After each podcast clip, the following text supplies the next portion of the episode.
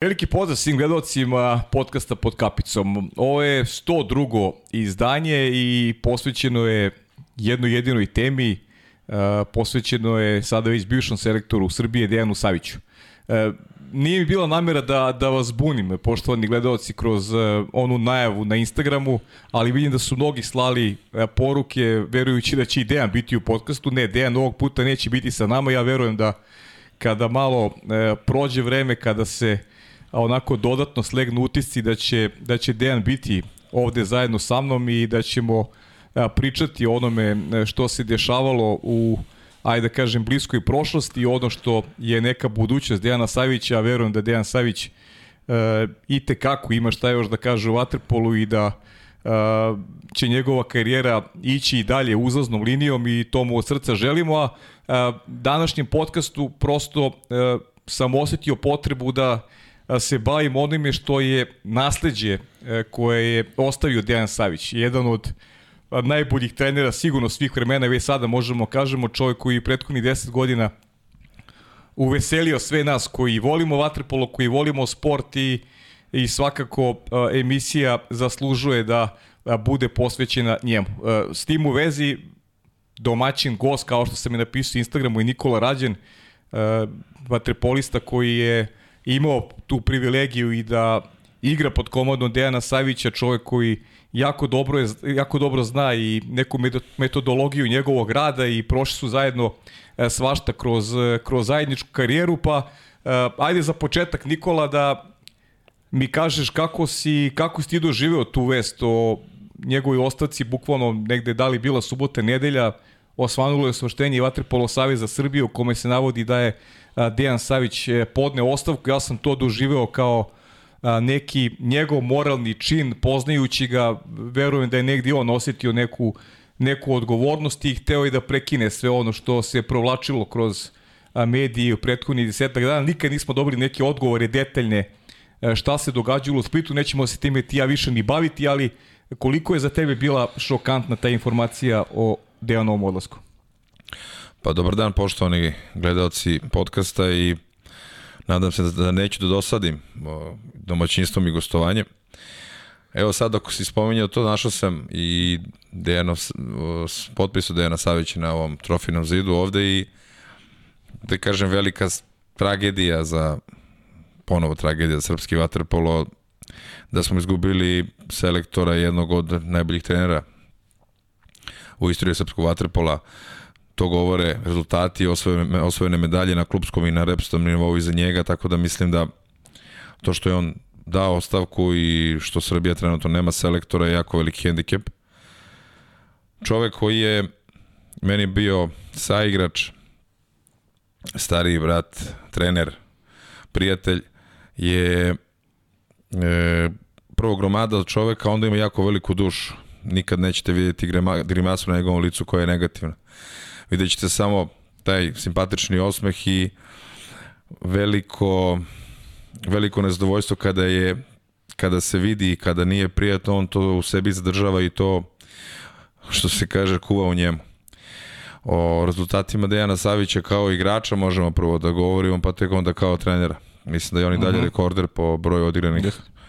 uh, utakmice, je li tako? Jeste. Yes. Za nacionalnu selekciju Jugoslavije, Srbije, Crne Gore, pa onda kasnije Srbije. Uh, jedan od najboljih, ajde da kažem, mlađih ta, uh, juniora u to vreme Partizana, čovek koji je igrao i za Partizan i za Crvenu zvezdu, koji ima inostranu karijeru koja je jako bila impozantna, e, nastupao je za Proreko, Firencu, Barcelonu, Ruski Barcelonetu. Kaz, Barcelonetu, Ruski Kazanj i tako dalje. I taj čovek su gde je nastupao je ispisao istoriju tih klubova. Doprinao razvoju kluba, doprinao razvoju mnogi, nekih mnogi, novih mladih igrača unosio i pravio i kreirao atmosferu. E, bio glavna karika u odbrani svake ekipe. Od reprezentacije Srbije do, do svih klubova za koje nastupa. Ja znam i, i imao sam prilike da vidim svojim očima koliko ga poštuju i cene, na primer, i kakav je trag ostavio u, u ruskom uh, kazanju. Tamo je proveo nezaboravne trenutke, tamo je osvojio sve što se moglo osvojiti i istorijsku evropsku titulu Land Trophy je tada kazanju uzeo dok je Dejan Savić igrao tamo zajedno sa Danilom Ikodinovićem i Vladimirom Gojkovićem. Čovek, ajde da kažem, govorit ću gromada, jer on stvarno je gromada od čoveka i u pozitivnom kontekstu to sve govorim. Kasnije usledilo njegovo angažovanje kao trener sa juniorskom reprezentacijom. Mislim da je osvojio u KN-u, tako se zove francuski grad, e, evropsko prvenstvo. Potom je pekao zanat i kroz seniorski sastav, jer sećam se priprema za olimpijske igre 2012. gde je on bio priključen onako kao trener, gde je on nije se puno mešao, je tu bio zajedno s nama što je jako značilo. Uh -huh. I da bi 2013. došao na mesto selektora Srbije. Vi ste sarađivali i u Zvezdi? Nezaboravni trenuci u Zvezdi. Uh -huh. -huh. Meni jedna od omiljenih titula. Možemo da izdvojimo jedan onako simpatičan podatak, evo za sve gledalce podcasta, da je to jedini put kada Dejan Savić skočio u bazen. To je da. bila titula sa Crvenom zvezdom. I to obuče. Eto jedan mali, jedan mali paradoks. E onda kasnije promenio tu politiku. Nije mu više skakalo u bazen. Da. Je nezaboravni trenuci u Crvenoj zvezdi, čovek koji je napravio Crvenu zvezdu, čovek koji je poklonio Crvenoj zvezdi evropsku titulu i sve što se moglo osvojiti tih dve godine, koji je već tada krenuo da da predviđa kostur reprezentacije Srbije na koji način će se neki mladi igrači razvijati. E, šta si tu osetio? To je prvi put, ti, e, to je ono što ja stalno pričam, e, benefit e, i te tvoje generacije što ste Dejana dobro poznavali iz bazena, što on vas poznavao. A šta si ti tu osetio, ajde da kažem nešto novo i kako ti je ta saradnja sa njim kao trenerom? Ili si spoznao tada da, da, da prosto imaš priliku da radiš sa čovekom koji će napraviti nešto veliko u trenerskom poslu? Pa prva stvar, Dejan se uvek trudi da napravi jako dobar odnos. I, i, kao, i kao saigrač i kao trener sa pojedinačno sa igračima. Uvek, je trudio da, uvek se trudio da napravi i dobru koheziju, dobru energiju, dobru atmosferu u ekipi, jer bi onda lakše mi mogli da sprovodimo sve što je on zamislio u glavi. Tako se desilo u Zvezdi. Uz puno druženja, uz puno razgovora, uz poštovanje jedan drugog, uz njegovo e, poverenje u njega koje je bilo neverovatno, mi smo stizali do tih titula u Crvenoj zvezdi. I tada se videlo da čovek ima znanje, neosporno, da čovek zna šta radi i da ima veliko iskustvo koje može da koje može da mm, doprinese na, na, na klupi Srbije. Uh mhm. -huh. Dejan Savić koji jako voli e, činjenice, statističke podatke, koji zapisuje stvari, koji se bavi e, planiranjem, prognoziranjem i tako dalje. On i dan danas to radi, i dan danas piše, i dan danas razmišlja o vaterpolu i živi vaterpolu. I bez takvih nekih detalja ne bi se ni napravili ovakvi uspesi. Uh -huh. e, da se vratimo na, na Crvenu zvezdu i na, i na njegov trenerski posao prema svima nama je bio jako korektan, prema svima nama je napravio takav odnos da smo imali maksimalno poverenje u njega. I bukvalno smo u tim trenucima izdvojili upravu od, od, od, od ekipe i bili smo mi na bazenu svi zajedno i držali smo se zajedno. U trenutku kada su nam saopštili da neće biti sredstava za nastavak uh mhm. -huh. sezone, da može da radi ko šta hoće, on je odlučio da mi igrači sednemo, da se dogovorimo i da mu kažemo šta će da, da se radi. Da bi on znao. -huh. Naravno, svi smo seli, pogledali sve oči, odlučili smo da ćemo da idemo do kraja. Jer ako smo počeli zajedno, ajde završimo zajedno. I to je bila prelomna tačka i to je bilo jako i velika stvar i za njega i za ekipu Crvene zvezde. Uh -huh. I tada se zvezda penje na krove Evrope. Uh -huh. Veliko iskustvo i za mlađe igrače, za nas, sigurno i za njega jer u trenutku kada je Dejan Udovičić otišao posle otišao, Londona. Da, otišao posle Londona, usled, došao je na njegov mesto Dejan Savić.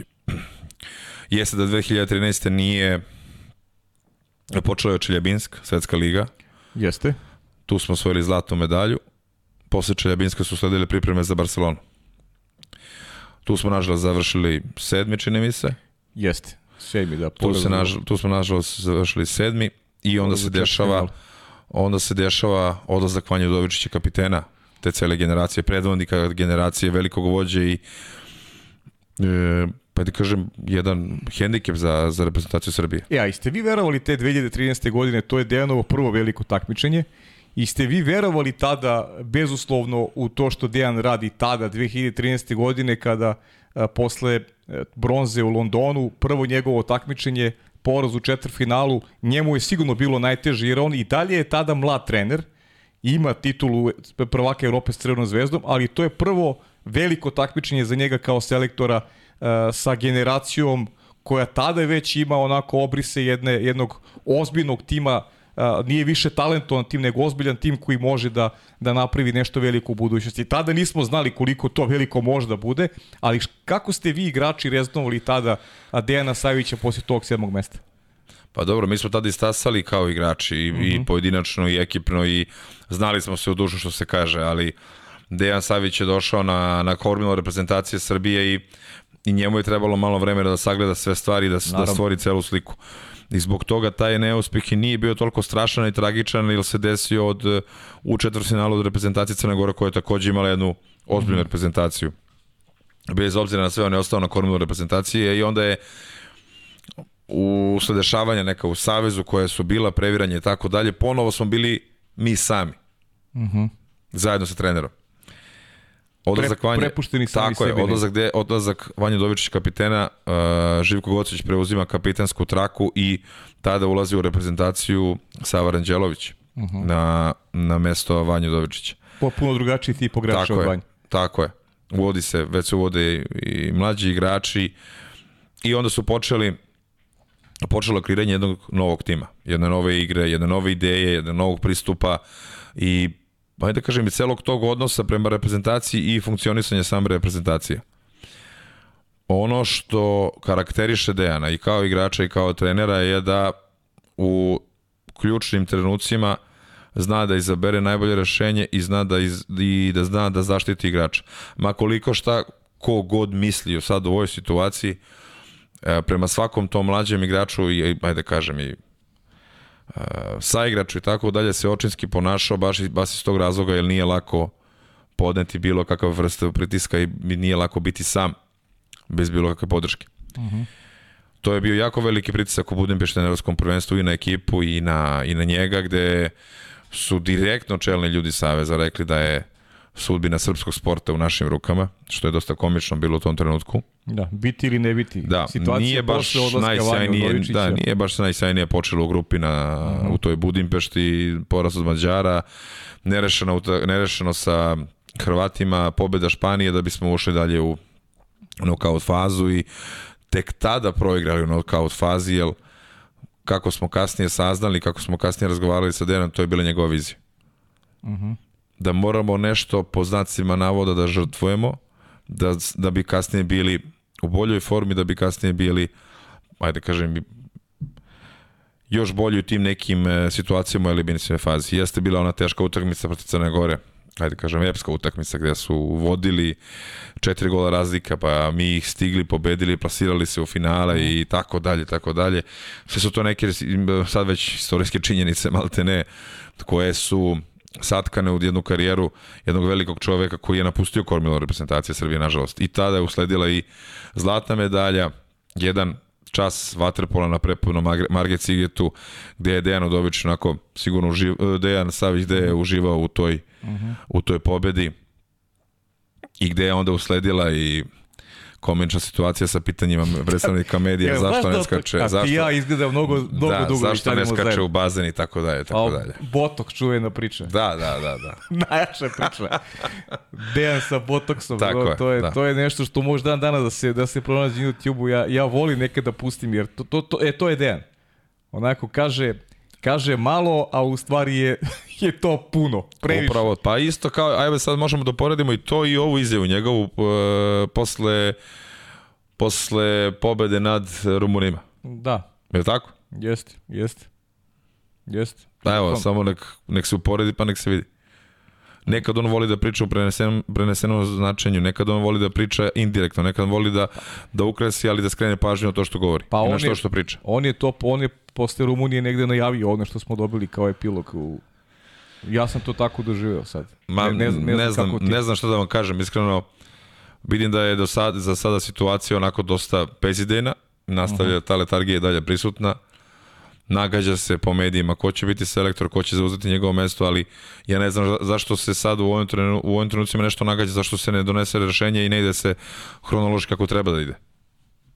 Ko je njegov zameni, zašto, zašto se ne ide kako treba da ide, po redu što se kaže. Da. Čovjek koji ima najviše iskustva, koji, koji ima najviše medalja, šta i kako Soči Savet može zasedne da donese odluku i to je to. Mešetarenje, i ono što se priča okolo nije dobra stvar. Nije, nije. Bomba, pa to sam ja bomba baš rekao nekim... senzacionalno je odjeknulo da je Dejan Savić podneo ostavku. Jeste. Jeste. Sa jako šturim uh, Pa, bez, bez informacija. jako šturim nekim uh, Saopštenje. saopštenjem iz, iz Vaterpola Saveza Srbije, eto, kao Dejan je otišao, mi smo dugo razgovarali, ali on je odlučio da ode. Pa nema, ne, meni je to jako onako, ispod, ispod svakog nivoa. Čovjek koji je donao dve olimpijske medalje. I kao puno sreće u nastavku karijere. Deki. Znaš kako, be, ajde pričamo sada iz, iz svih aspekata, a ono što smo i pričali i ti ja, nećemo se vraćati na Split. Sigurno Pa da ne, Dejan ne, ne, kao- ovo nije Split, Ne, ovo ne, je ne, realna pričamo, situacija da. koja, gde su svi ljudi čitali, gde su, gde je cela Srbija bila iznenađena. Tako Gde je. je cela Srbija bila ili i, i šira vaterpolo javnost i ajde kažem i, i van granica Srbije, kako, ko će doći, šta, kako, šta dalje. Znaš kako, ovaj, Prva, prvo Srbija ne zna šta dalje, kako, da ćemo moći da se vratimo u, u, u ajde kažeš, vrh vaterpola, pa onda sad nemamo trenera, pa šta ćemo dalje? Zar Da. to ne otvara mnogo velika pitanja, mnogo, mnogo, i adresira se na, na jednu adresu. iskreno, ovaj, pričali smo ti ja, sigurno da Dejan kao selektor tog tima ima odgovornost za, za tu devetu poziciju. Da to je neosporno, to, je on, to, je on čovjek i sam je. rekao. Pa ne, to, to, to pazi, to ja, ja ne, ne znam da li ima neko ko misli da, da, da, da Dejan Savić nema odgovornost, ima, ali e, svedoci smo uh, da u okruženju imamo i selektore koji mnogo duže su bili bez, bez medalje i prilično onako sa lošim rezultatima, pa je Savez A imao Savić je poverenje. jedan, jedan realan i svestan čovek koji je svaki, nega, svaki poraz prepisivo sebi i, i, i odgovorno je bio na, njegovim leđima. A svaku pobedu je prepisivao igračima. E to je njegova veličina. I to ne sme da se zaboravi. Da li on dao ostavku zbog nekih uh, nerazjašnjenih situacija, E, odluka, tako je, to je- a, to- spletkarenja, to je sada To je ne- unutar četiri zida tamo, Tako unutar je, saveza, mi je. to ne znamo. Čovek je dao ostavku, to je ono što je jasno i, to, i ono što još se ne zna, ko je njegov naslednik. To sam baš i teo ti kažem. Druga strana medalje je da li je Savez u nekim uh, uslovima koji su sada oko Waterpolo Saveza ili reprezentacije, možda Savez imao priliku da mu da podršku usled nečega što mi ne znamo. Zato sam i rekao da postoji, postoje dve priče. Jedna priča, nama koji nemamo, meni makar, koji ne barata sa dovoljno informacija, meni je šokantno da ide čovek koji je zadužio srpski vaterpolo na taj način. A s druge strane, opet ostavljam prostor da, da nije bilo uh, prilike da se ta saradnja nastavi usled stvari koje ja ne poznajem dovoljno dobro. Ili nemam, ne baratam sa dovoljno, uh, dovoljno validnih informacija da bi to mogao javno da sada deklamujem. Delim s tobom tvoju konstataciju, ajde kažem pitanje, ali mi ne znamo zbog čega je dve godine pre olimpijskih igara u Parizu se desilo to. To je, ja mislim, pitanje za analizu. Zašto je Dejan Savić napustio kormilo reprezentacije dve godine pred olimpijske igre? Tako je. Kad je imao, znam da je imao ugovor do, do Pariza. Da, da, jasno. Kao i ceo stručni štab. Je li tako? Jeste, da. Prove, to je proverna informacija. Znači, neosporno je da je on imao, vi, da je imao strategiju i viziju do, do Pariza. Tako je. Znači, on je sam podneo ostavku. Mi smo rekli, jao, deki, eto, baš nam je žao. Da. I deki je otišao. I neosporno je da Dejan Savić je jedan vrlo temeljan čovjek koji ima viziju i ja sam iz, imao sam tu vrstu privilegije i imaću je, siguran sam da sa, onako dru, kroz neko i druženje sa njim da spoznam kakav je vizionar kada sam čitao neka imena za koje bukvalno nisam ni znao u nekom periodu od pre recimo 7-8 godina neki njegovi projekti, sistematizacija, a, ko može u a, državni tim, koji su ti talentovni igrači, to ono što sam delio, delio i sa, i sa našim gledalcima vezano za odlazak velikog broja igrača koji su bili selektirani kao vrlo talentovani i sa, sa ozbiljnim šansama da igraju za tim koji su otišli na studiranje u Ameriku. Dakle, da Dejan se studiozno bavi e, svojim poslom. Studios, studiozno se bavi vaterpolom. Dakle, on, apsolutno, ja, ja verujem da je on imao viziju oko toga ko će igrati u, u, u Parizu za dve godine da je negdje imao već projekciju tima za Pariz uh, 2024. Da je imao projekciju tima i za, i za Los Angeles 2028. Jer, uh, kažem, to, to je nešto što sam video kroz, kroz komunikaciju sa njim, kroz uh, priliku da, da ja negde učim vaterpolo ovaj, družići se sa njim, a pritom Dejanu Saviću i, i ispred podcasta dugujem ogromnu zahvalnost i to ću uvijek da ističem. Dejan Savić je jedan od redkih ljudi koji se zalagao za opstanak ovog podcasta onako svesrdno, uh, uvek uh, nudio pomoći i ja sam mu na tome neizmerno zahvalan i, i to ću uvijek da ističem zato što je prepoznao i ovome da je, da je dobrobit e, za vaterpoletu. Tako da i još jedan onako da kažem dodatak koji nije toliko važan za temu, ali prosto prosto mi je sada prošlo kroz glavu i, i ne mogu ne mogu da da da o tome ne pričam. Pa prva stvar ono što smo govorili, ono što sam ja rekao da se on e, bavio statistikama, proračunima, doktorskim radovima, mišljenjima, e, raz, razgovaranje sa ostalim trenerima, e, e, da prenosi, prenosi iskustva iz ostalih sportova i svoje bogate igračke karijere. To su sve neke stvari koje, ajde kažem, to je normalno u trenerskom poslu, tako? Da. E sad svaki mladi trener ili budući trener treba da izvodi svesku i da ide i da gleda trenere i da gleda trening Dejana Savić. Malo njih to radilo, tako? Malo današnjih igrača možda čak i piše treninge. Mhm. Mm ali sad to je sve neka druga stvar, nego samo u, u, u odnosu na Dejana Savića. Ne, ne iznenađuje me to što govoriš, ovaj, Pavle, da, da je imao, da, da si imao njegovu veliku podršku i pomoć on je prosto čovjek takav. Uh, treba izdvojiti takođe da je pokrenuo trenersku organizaciju, mm -hmm. Savez trenera, srpskih trenera Srbije, gde je gde se založio uh, zajedno sa Tomicom Stojanovićem da postoji trenerska organizacija kod nas koja će da ima predavanje, ima dobre predavače, da, da postoje treneri na jednom mestu, da znaju gde im je adresa, da se plaća članari, znači to je sve neka ideja koja nije ranije bila. A to je njegova inicijativa da se to stavi pod jedan vaterpolo krov, uh mhm. -huh. što je jako bitno. Tako je. Čovek koji je, kad se vratio u Crvenu zvezdu, ima određene zahteve zbog čega se vraća i šta treba da se radi. Da trebaju treneri u mlađim kategorijama da dobiju, da dobiju neku malo povišicu plate da bi mogli normalno da rade i tako da je tako dalje. To je sve, to su sve neke stvari koje čine karijeru Dejana Savića i koliko on utiče na ljude. Van, van bazenske aktivnosti, tako da ih nazovem, najprepoznatljivije lice Waterpolo. To sam, bravo, još jedna bitna stvar. Druga stvar, čovek koji drži e, team buildinge velikim kompanijama.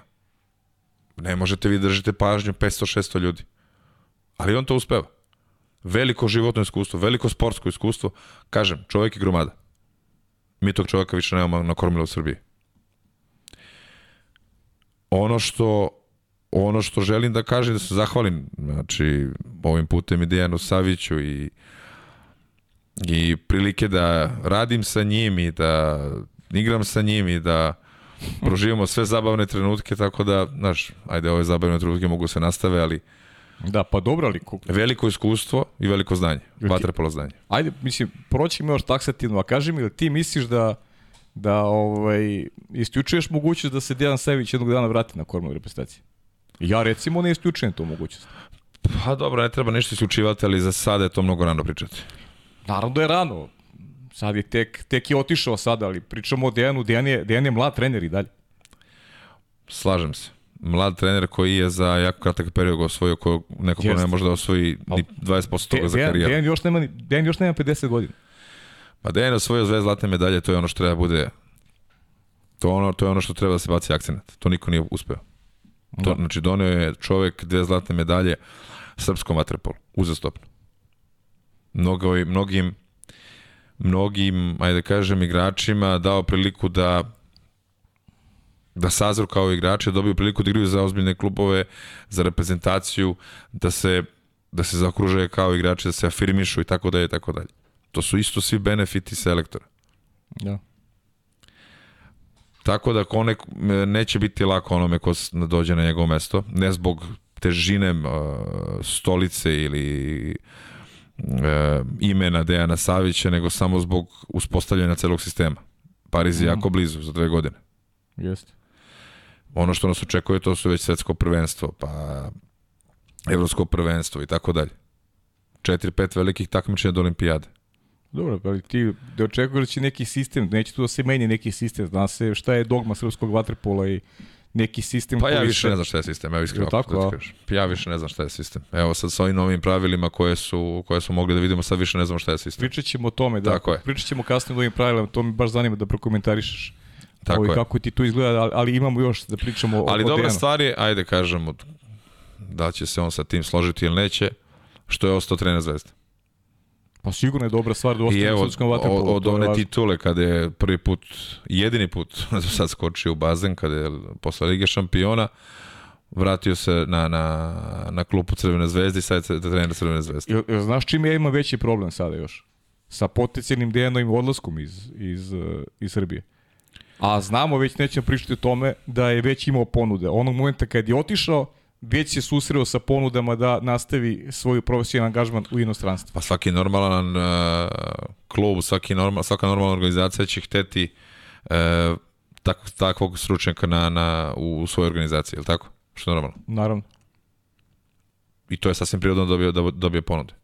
A što se tiče Crvene zvezde, ajde živi bili pa videli koliko će da, da, da bude trener. Ja bi, ja bih želeo da bude što duže, ali to nikad se ne zna. Naravno.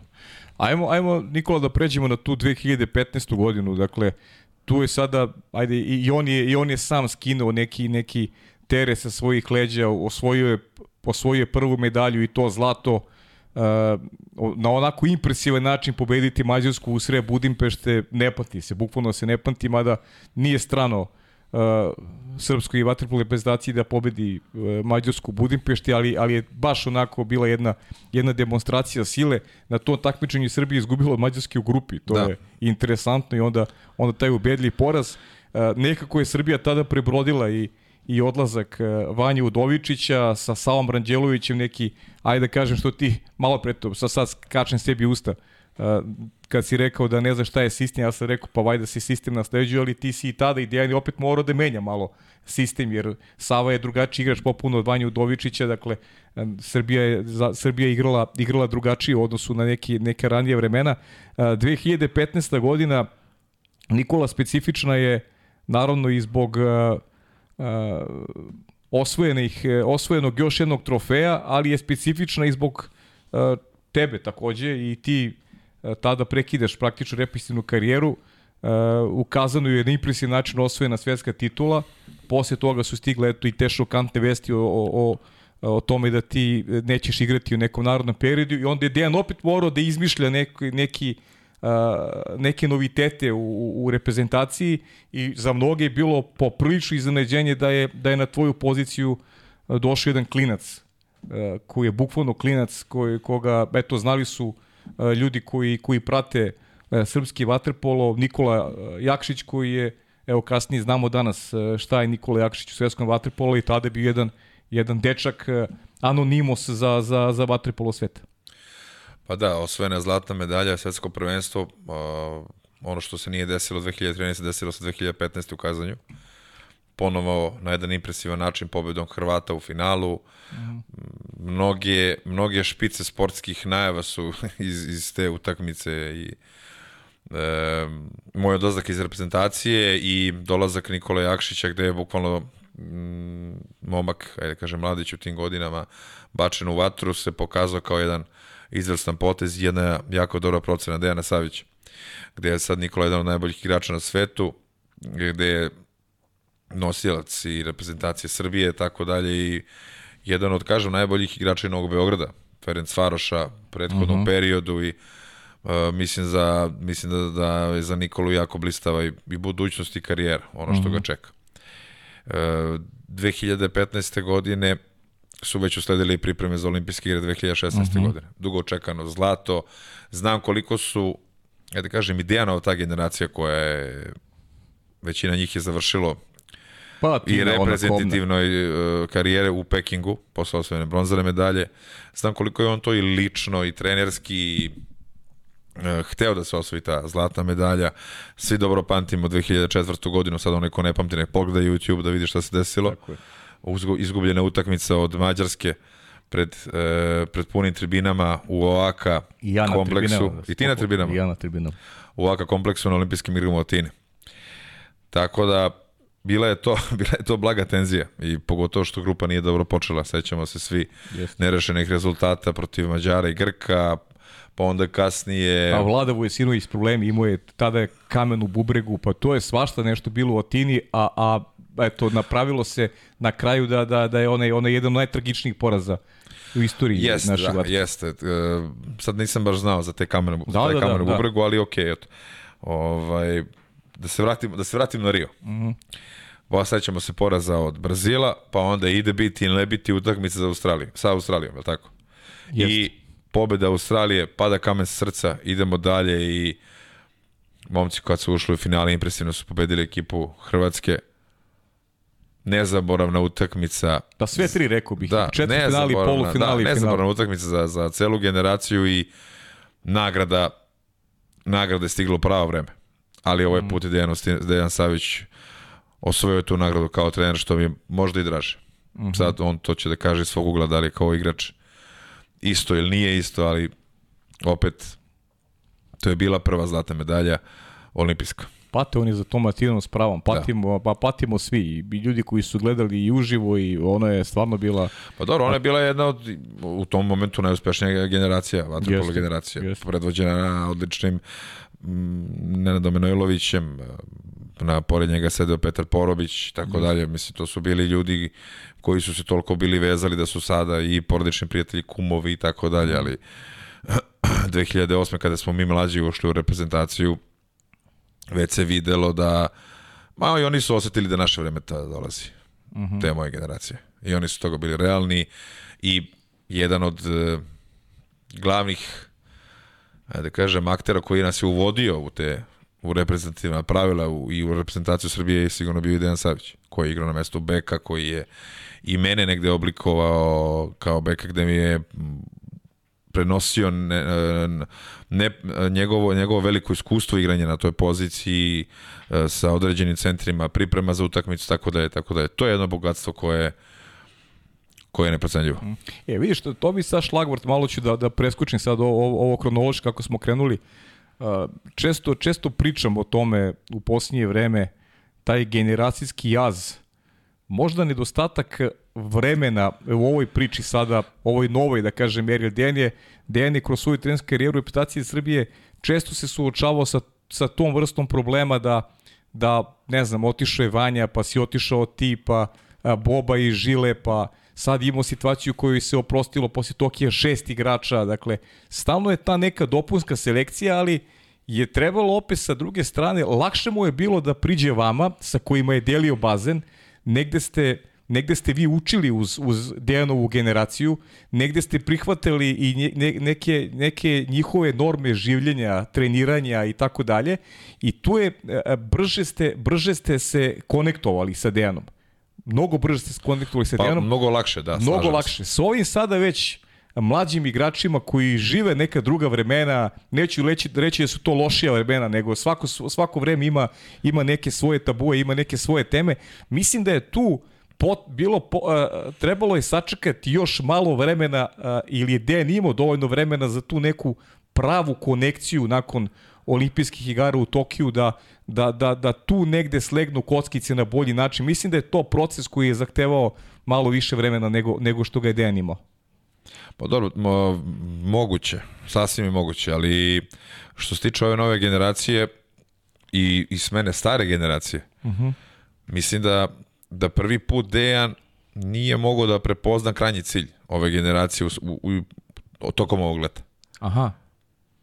Šta tu prevod tokom znači? ovog leta. To treba znači da ih ne, ne, nije mogao tačno pojedinačno i ekipno da ih projektuje gde će šta biti za 2-4 godine. Aha. Što je on odlično radio. Uh -huh. uh, a što nije neki neka velika nije strašno. Uh -huh.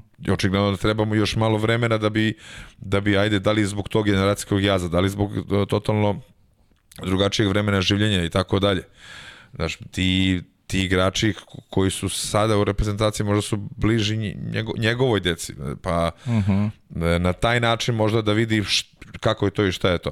Uh -huh. Navike i sistem se nije promenio. To je ono što je krucijalno. Uh -huh. A predstava sama i prezentacija igrača je bila drugačija. To smo imali prilike da vidimo. Da, da. I ono što je Dejanu trebalo, to je možda još malo samo vremena s ovom generacijom da vidi gde, gde, bi, gde, gde bi oni bili i, koji, i kako bi bili i u Parizu i ne znam, uh, sledeće godine na svetskom prvenstvu i tako dalje. Mhm. Sigurno da je ostao na mestu uh, reprezentacije Srbije da bi, bi sistem rada bio drugačiji, da bi neke stvari morale drugačije da funkcionišu i u odnosu sa njim i u odnosu prema igri, jel? To se videlo da nešto nije u redu. Uh -huh. Ali, kažem, opet je možda igračima trebalo mnogo više vremena da se naviknu na njega. Uh -huh, uh -huh. A koliko misliš da se, da se i Dejan i sam negde malo zasitio posle posle Ma ja ne verujem u to. A? Ja ne verujem u to. Ja ne želim da verujem u to. Čuo sam takve priče, ali ja ne želim uh -huh. da, ne verujem, da, da verujem u to. Znam da je Dejan profesionalac i da svoj posao obavlja maksimalno i znam koliko je posvećen tom poslu i mm, deveto mesto koje se desilo, pa ljudi, nije to, stra- nije to strašna Ne, stvar. uopšte nije strašno. Strašno je, strašna je Strašno je sve prezentacija. posle toga. Mislim da je prezentacija igre više bila gora nego... nego Ali sve nego posle toga je 900 strašno. metara. Mhm. A da ne, pustimo igru i bazen. Da, Ok, okej, to da. je bilo Pro- to. bilo prošlo, okej. Ali, znači, poslednji sudijski zvižduk za reprezentaciju Srbije u, u, u Splitu i sve od tada do sada ništa. To je jedan veliki problem o kojem smo ti ja pričali u prethodnim Da, podcastima stojimo u i u prenosima i tako dalje i tako dalje. Jer se od tada ništa ne menja osim da nemaš selektora. Da. Baš tako. gde si ga pozdravio i makro mu ćao deki. Mislim da takav odnos e, čoveka ko, koji je najuspešniji trener u istoriji vaterpolo reprezentacije Srbije ne može da ode tek tako. Jedan najuspešnijih u, u istoriji ove igre. Tako je, ne, ne, ne može da ode tako. Ja bar mislim da ne može da ode tako. Slažem se s tobom. I da mu pišeš, čao, da mu pišeš kao ćao deki. Gospodine Dejana Savović, hvala vam puno. To je neki minimum. Pa Evo ja, ja sam trebao danas da imam, ja sam teo Deke, pre svega Deki da bude u studiju i onda razmišljam šta da radim uh, sa, sa emisijom, pa ja moram emisiju da, da posvetim Dekiju. Uh, Bolje da je nemam nego, nego da, da radim neke priče koje, koje, koje nisu vezane za, za ono što je što radio Dejan Savić u prethodnih 10 godina.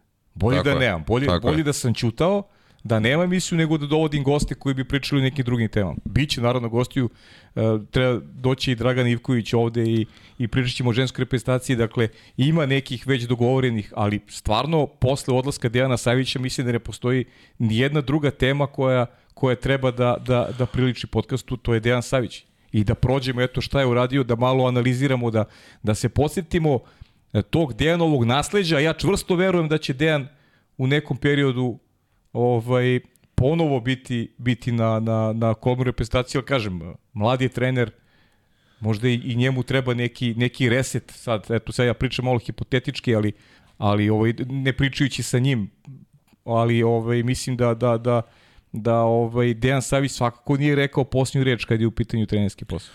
Pa sigurno nije rekao, to se vidi po njegovom uh, odnosu što mislim što je i dalje aktivan trener što radi u vaterpolo klubu Crvena zvezda, ali mislim da ćemo tek videti na koji način i u kom obliku će Dejan Savić da ostane u srpskom vaterpolu. Mhm. Uh -huh. To treba sačekati i videti. Ono što smo mi, nažalost, po čemu smo poznati, da smo sve kvalitetne ljude, vaterpolo stručnjake, bivše igrače, rasuli po svetu. Je li tako? Vi celu tu generaciju ili se ne bave vaterpolom ili su angažovani van granice Srbije. Je li tako? Da, pa dobro. Cela prošla moja generacija ko se bavi trenerskim poslom. Pitanje je koliko njih ostalo u vaterpolu kao treneri, stručnjaci i tako dalje. Pa da, ti realno sad kad pričaš o, mlad, o mlađim trenerima, kad pričamo o budućim naslednicima, imenima koje spekulišu mediji, negde se, naj, najlogičniji izbor mogu da budu ili Uroš Stevanović ili Živko Gocić. Ako pričamo o trenerima koji rade u, u Srbiji, Slažem se. ti, ti Slažem se. nemaš tu, nemaš tu sad neki neki izbor. Možemo da proširimo spisak kandidata na ljude koji rade koji rade u inostranstvu, koji su velika imena poput Naravno. Igora Milanovića, ne znam, Dejana Udovičića, ali kad I pričamo... Vladimira Vojsinovića Vladimira i tako Vojsinovića, da. naravno, ali, ali kad pričamo o, o trenerima koji rade u Srbiji, mislim da, da tu postoje samo, samo dva kandidata. Pa to je ono što smo pričali, da je to neki normalan sled događaja ko bi trebao da bude taj neki sledeći naslednik. A to je nama logično, tebi i meni, možda nekom Pa da, to- gledalcu. Tako je, da. A to ja ne znam da, da li ja mogu da, da mogu na glas da pričam, ali ne mogu ne znam, ne znam da, da li mogu da razmišljam da će tako da se desi. Da, da, ma da, nećemo se Ali spekulacijama. nema veze. Da. E, kažem, mislim da sada pred- predstoji jedna jedna interesantna godina što se tiče vaterpola i što se tiče svih dešavanja vezanih na, sa reprezentacijom Srbije. Evo već počinju da se igraju lige, već počinju evropska takmičenja, već počinje Jadranska liga, tako da mislim da ćemo mi posljednju reč reći u Dejanu Saviću, a mislim da to je i na način na koji treba da kažem. Da analiziramo tih 10 godina, veličanstvenih 10 godina e, velikog Dejana Savića na klupi Srbije. Kaži mi samo, pre nego se vratimo na DNL, smatraš da bi, da bi Savez trebao što pre da obelodani ime novog selektora? Da. Zato što se slažem tu, ja mislim. Da. mislim. Ja mislim da je to I da ne ostavljaju Da je to više, jedno da odgovorno ne ostavljaju reš- prostor za A špekulaciju. je to je jedno odgovorno rešenje. Da selektor Srbije mora da se već sada angažuje da se dovede da bi čovjek mogao da prati buduće reprezentativce, je li tako? Jasno. Vi na ovaj broj utakmica morate da, morate da reagujete. Da pravite kalendare, da pravite spiskove, da, da se to već sve unese gde treba da se unese, da se nekom predloži predlog rada. Nije to sad kao pljuni pa zalepi. Da, Je li tako? jasno, jasno. mi smo ovo ostali, ponovo se vraćamo na tu, mene jako bode oči ta štura izjava Saveza, ja ne mogu s tim da se pomirim, jer čovek je najuspešniji trener e, kod nas. Ne, ne, mogu da, ne mogu da shvatim da on je, on jeste dao ostavku i da ste ga ispatili kao sa neka tri rečenice. Da. Minimum je da se napravi neki, ajde, ne, ne ispreća, ali minimum da se zahvali na neki gospodski način, minimum je da se zahvali momcima koji su osvojili evropsko prvenstvo na čelu gde koji ih je vodio Uroš Stevanović, to je neki minimum. Je li tako? Jeste. To je sve ono što je dobro u vaterpolu, što može da se prikaže za neke buduće. Mi to krijemo. Naravno je najpompenznije kada bude nešto negativno. Pa kao da, ostavka, pa da. kao deveto mesto i tako dalje. Jeste. Pa se tu neki slade, pa se tu neki nađu da budu prozvani, pa onda oni daju svoje koment- komentare, što je jako loše. Vaterpolo je gospodski sport. Tako smo ga i mi igrali. Pod palicu Dejana Savića. Kaži mi, ste se, kako si ti reagovao na, na taj Rio, ajde još malo da mu se, da mu se posvetimo iz tvojeg ugla. Uh, verujem da ti je tad onako bilo najžalije što, što si propustio bukvalno godinu dana pre Rija. Ove, si e, ispao iz, iz e, tog, da kažem, repestivnog štiha, ali opet s druge strane, verujem i sreću si delio sa, sa onima s kojima si delio bazen svi ti godina. Generacija koja je tada onako ostvarila neki, neki svoj zenit i pogotovo na taj jedan impresivan način to četvrfinale, polufinale, finale za učbenike nakon, nakon svega što su prešli i pričali su ovde akteri, ja se onako i to sa ponosom ističem ovaj, i, i Žile i ekipa, koliko su drugi u stvari bežali od njih koliko su o, o, ono posljednje kolo, koliko je bilo specifično, sve ekipe su kreirale tako utakmice samo da se ne susretnu sa Srbijom u četvrfinalu. Da, nažalost to se dešavalo i na ranijim tim velikim takmičenjima, što nikom nije jasno zbog čega, ali okej, to nekima ide njima na čast. Uh, pa dobro, ostaje žal što nemam tu, što nisam zaokružio sve te zlatne medalje sa zlatom na olimpijskim igrama, bože, moj život je i dalje. Naravno. Usmerio sam tu pozitivnu energiju i želju za dokazivanje neke druge stvari koje veoma uspešno radim. Uh, uh, pa ne znam šta da kažem, ajde. I si očekivao da će biti tako dominantno? Pa jesam. Verovao sam u, u, u te momke. Verovao sam u te momke. Kao što verujem i ove momke isto. I kao što sam više puta rekao, oni su ti koji nas predstavljaju, mi trenutno nema bolje i treba verovati momke koji, koji, kojima sigurno nije lako posle ovog devetog mesta. Ma naravno. Sa svim dešavanjima, špekulacijama. I oni su mnogo su, mnogo su otvoreni. Moraju, da se, moraju da zatvore taj krug reprezentacije. Ima, to, oni su mnogo otvoreni, ima tu mnogo mešetarenja, što nije dobro za njih. Uh -huh. Moraju, moraju da se skupe pod hitno. Bez obzira ko će biti trener i neće biti trener. Ali to moraju sami sobom, Tako je. Nikola. Sa, u, u, Ekipa igra- unutar, unutar ekipa svojih igra u porodica bazenu, a ne i- trener. Pa da, unutar svojih, tako je. Unutar svojih porodica moraju da budu fleksibilni jedni prema drugima, da, da shvate da je to da je to zajednička prestacija je zajednički interes, nacionalni interes, pa onda i njihov zajednički. Naravno. Ba, to, to moraju, Naravno. moraju da se, da se saberu tu u mislima. E, e, to je ono što sam, što sam ti malo pre rekao i pričali smo o tome koliko je bilo lakše konektovati se Dejan sa vama, jer ste učili od njega i u bazenu. Prosto vam je bio pravi primjer u bazenu.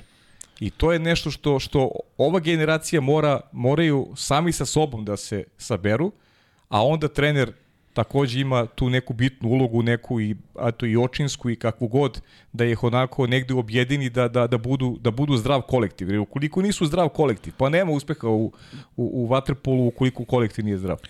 Pa dobro, mi smo imali tu privilegiju i moment je bio takav da smo i igrali protiv njega i sa njim. Pa da. Da li je to prednost ili nije prednost, sad možemo da analiziramo to u odnosu na, na ove sad momke koji, koji igraju za reprezentaciju. Ali ajde kažemo da su i oni uvođeni na vreme u te reprezentativne akcije. Nemoj da zaboravimo Gvanžu gde su gde je Dejan Savić igrao sa potencijalno tim mlađim igračima, tako? Tako je, pa dobro, ali to već sad... Gde, smo, gde on tad već imao viziju da ubaci nove, da se kale, da probaju veliko takmičenje, da bi dočekali spremni tu neku Jest. smenu generacije. To je isto jedan podatak koji su svi zaboravili. Da, da. Da je on žrtvovao sedam igrača da ne igra, da... A to je, to je podatak koji govori o njemu. Da. To je govori o njemu. Znaš, neko bi, neko bi na njegovom mestu zarad neke svoje, ne znam, promocije, alavosti, ali je, on je to, god. Ali on je to jedva izneo da prođe. Znam, znam, upravo pričali smo o tome i, i kažem ti, to govori o njemu, jer je on bio spreman da e, žrtvuje nešto da bi u budućnosti dobio Tako je. dobio nešto što je interes srpskog vaterpola. I stvarno to je kapa dole za to. Iako i dalje ja znam ima ima oni koji i dalje to onako dovode pod pitanje da možda nije trebalo, ali ljudi, e, ne može bez pravog koncepta ako imaš dobru viziju, ako imaš viziju, treba da se držiš svoje vizije i ako je ona dobrobit nečega što je predstavlja budućnost, mislim da treba samo da se podrži. Ja sam recimo od onih, ako, ako mi eto dozvoljavate, apsolutno tada podržao to što je Dejan uradio, jer nije bitna jedna medalja na uštrb onoga što što treba dođe u budućnosti. I što treba da traje. I što treba da traje. Pa da, što treba da traje, što treba neko... posle Fiće, Andrije, Tako Žileta... što treba neko da nasledi. Tako što je. treba neko da, da nasledi. Ti momci moraju da ispeku malo zanat. Moraju malo da ostaje teško. Ili neće Jeste. biti više tih, ajde da kaže, uh, ključnih igrača u reprezentaciji pa da ostaneš sam da daš gol. Jeste. Sad je, sad je odgovornost na vama. Sad ste vi u prvom planu. I to je ono što je Dejan Savić predvideo. To je ono što je on jedva se izborio da se to desi na taj način. Ja znam da se jedva izborio da se desi na to na taj da, pa to je, to je, to je Gde su svi ostali, repa, zbog čega, zašto, kako treba na medalje, tako dalje. Pa da li, je, da li je ta medalja u, uvijek ti treba medalja. dobila ili do, da bi ta medalja nešto dobila ili ne bi? Ma ne bi ja promenila kažem, ništa. ne bi. Ma si ja, pa, pa Jer znaš zašto ne bi? Govori. Zato što je on svako sledeće takmičenje svoju medalju. Ok, bila je korona, pa Pa dobro, bilo je, bilo je, u stvari, bila je, bila je Budimpešte. I... E, 18. je bila Evropsko prvenstvo u, u Barceloni, tako? tako osvojene medalje. Osvojene, osvojene zlato. Je tako? I Jeste. onda ide Guangzhou, je tako? Ide Guangzhou, ide, ide Budimpešta gde je poraz od Španije u četvrtfinalu na peterca. Jeste poraz od Španije u četvrtfinalu. Pa tu bilo već su bili dvoje troje bolesnih igrača, igrali pod yes. inekcijama, mnogo teško, na pola igrala se na igrala se na zimarsko prvenstvo. Pritom, pritom odlična utakmica protiv Španije. To se ljudi zaboravljaju. Jest, jest. Prvo poluvreme je bilo problematično, drugo je Španija dala jedan gol i imam utisak da ne bi dali da se igrali još dva dana, da, da ne bi dali da, ni jedan gol. E, da. Bukvalno je Srbija bila bolja u tom drugom poremenu, ali prosto napadački eto nije nije uspela da da da prelomi utakmicu. Ali šta, šta možemo da izvučemo iz tog uh, ne, iz tog projektovanog svetskog prvenstva u, u Guangzhou od strane Dejana Savića? Da je on svoju zlatu medalju u, u Tokiju. Znači, da. on ima viziju, ima to, moraš da ga podržiš. Jel neko ko vodi savez i čelni ljudi, šta će tebi da znači jedna medalja više? Tebi isti, isti je djavo. Odnosiš se prema njoj i ovako i onako na isti način. Pa to ono što ti lepo rekao. Nijedan benefit nisi to. napravio. Samo da podsjetimo gledalce. Ko je u poslednjih pet godina snimao reklame vezane za Vaterpol? Dejan Savić. Da, svi zovu. A da su van Vaterpolo saveza sponzori i tako dalje, je li tako? Jeste. Najprepoznatljivije lice Dejan Savić. Pa identifikacija bukvalno sa reprezentacijom ajde, evo, Savić. Da. Evo, da se ne lažem. Nada se se niko neće pa uvrediti. Pa ne, ali... Ne, evo da pričam. Ali što bi se uvredio? On jeste najveći zvezda. Naravno. O njemu se najviše priča. Snimali ljudi ga, ljudi su svi vole. zajedno za, ne znam, uh, određene sponzore Saveza, to je bilo pred velika takmičenja da bi se to vrtelo na TV i tako dalje. To je sve okej. Okay. Individualno. Dejan Savić je bio najzastupljenija figura, vaterpolo figura u poslednjih pet godina. I sa starom i sa ovom reprezentacijom. Da. Toliko o tome. Ja sam dobio Nikola pozive kad je, kad je Dejan podnao ostavku, ne znam, ljudi plaču. Ali, Da, da, da, znaš, identifikacija, identifikacija reprezentacije Srbije se ogleda kroz, kroz Dejana Savića i to, znaš, možemo, možemo čak i da ga ne volimo, ali, ali to je fakat. Znaš, to je, to je tako. Znaš, ja to gledam po porukama, gledam po reakcijama ljudi, ovo što si ti rekao, znaš, to nisu, to nisu detalji koji, ovaj, koji su uh, mali, koji su, ne, koji su, To su činjenice. nepo, to su činjenice da čovek stvarno se pojavljuje svakoj reklami, on, on je zvezda. E sad to može nekom da smeta. Ja to mogu, ja to Pa mogu to da može razumem. samo na inteligentnom čovjeku smeti. A da, ali, ali Ma Ja ću da kažem otvoreno. Jeste, ali ti- One ko ne razume i ko ne može da napravi environment oko Dejana Savića, pa onda ga ti ne zaslužuješ. da. Je li tako? Jeste, pa jeste. Jeste. Živa istina. Živa istina. E, šta smo pričali? Pričali smo o 2019. smo pričali o toj, toj smeni, ali ajde, ajde da se dotaknemo i te 2011. pre nego što odemo na 18. E, nakon ta 2017. zašto je, zašto je specifična? Od, od poraza 2013. godine od 2014. pa do 2017. Srbija ni jednu utakmicu nije izgubila. To je još jedan podatak o, o nekoj veličini ekipe. Pa vi zabeležite, dragi gledalci, Da, ovo. Dejana Savića, dakle, do, do, fina, do polufinala svetskog prvenstva u Budimpešti, kada je Hrvatska posljednje, ta, posljednja, uh, posljednje takmičenje velikog Sandra Sukna i stvarno jedna sjajna utakmica, to polufinale između, između Srbije i Hrvatske. E, Hrvatska je bila za nijansu bolja, gol razlike, to je ona, ona sjajna napadačka utakmica Andrije Prolinovića, ali nekako je stalno Srbija bila u potri s jednim golom, ali opet ljudi, e, juče sam baš imao neku polemiku vezano za, za ovaj svetski šampionat u odbojci za dame, ta postolimpijska godina, koliko je teška šampionu. Znaš, ti si osvojio olimpijsko zlato. I sad treba negde da pronađeš neki ekstraordinarni motiv da odigraš prvo sledeće takmičenje na... A što je... e, To samo vi sportisti možete ovi, da, da, da negde, da negde ovaj, uh, objasnite ljudima kako to izgleda kad ste, kad ste se negde ostvarili, dostigli onaj najveći rezultat i sad prvo sledeće takmičenje ti treba da budeš opet onako maksimalan i da i da ovaj da sebe uvedeš u jedan u jedan uh, tonus koji će biti dovoljno dobar za, za, za neko zlato. Ajde, pričamo o zlatu kao da se to uzima na ulici. Pa dobro, da nije zlato kinder jaja, ali Da. ovaj, ja mogu da pričam malo iz svog ugla kad, dok sam ja igrao za reprezentaciju i da je nama bilo podobavezno nama, kad kažem nama mislim na ekipu, uh -huh. bilo podobavezno se osvoji medalja. Zašto? Da bi preživao srpski vaterpolo. Da. Ili ne osvojiš medalju, nema finansiranja sledeće godine, manje para vaterpolu, padaš na toj tablici finansiranja manje klubovima. Znači, mi smo bukvalno u tom trenutku naše satisfakcije osvajanjem dalje spašavali srpski vaterpolo. Mi kao igrači u bazenu. A ne oni koji treba, treba, treba time da se bave. E sad, zamisli ta, ta, tu vrstu pritiska. A ne ovo što ti kažeš, osvo, osvojiš zlato pa sledeće godine nema ponovi ovo na novo. Uh -huh. To je sportski život. Moraš, ako si najbolji, moraš to da dokazuješ stalno na svakom koraku. Uh -huh. Najla, uh, nije lako osvojiti, lako je odbraniti. Najteže odbraniti, izvini. Teže braniti, da. A to je, to su momci uradili i to je Dejan Savić uradio. Pa eto, pune tri godine, tri Da, koliko. ali ovo što, što sam sada ove, rekao, ta vrsta pritiska je bila na, na reprezentaciji Srbije tada. Ljudi, mi smo bili svesni, imali smo, razgovarali smo izme- između nas. Mi moramo da osvojimo medalju ako hoćemo da preživi srpski vaterpolo. Inače nas nema nigde. Jer se desio krah 2012. godine posle Londona. Sedimo u olimpijskom selu u stanu i nas sedmorica nemamo klub. A treba da igramo polufinale protiv Italije i tako dalje. Gde Vanja ima inicijativu se napravi radnički, gde nas zovu iz Zvezde i odlazimo u Zvezdu. Gde smo tada prihvatili, ajde kažem, visinu ugovora za po 60-70% manje ugovora u odnosu na inostranstvo gde smo igrali ranije. I onako niste pare dobili. I te, I te pare niste dobili. Da, to je baš smešno. Pa da, sad s ove, s ove tačke ovaj, Ovaj. možemo da se šalimo na tu temu. Tada Ali sigurno nije bilo to je, to je situacija gdje smo mi ponovo, ok, ajmo, nema veze, idemo. I onda se dešava era Dejana Savića. Da. Kroz Crvenu zvezdu i kroz reprezentaciju Srbije. Pa Dejan Savić, evo ti jedan zanimljiva ova činjenica. Evo Dejan. Savić kada je osvojio ligu šampiona sa Crvenom zvezdom nije mogao mesec dana da plati račun u bilo kom kafiću ili restoranu. Nisu mu dali. Znaš, to je eto jedna zanimljiva činjenica. Da.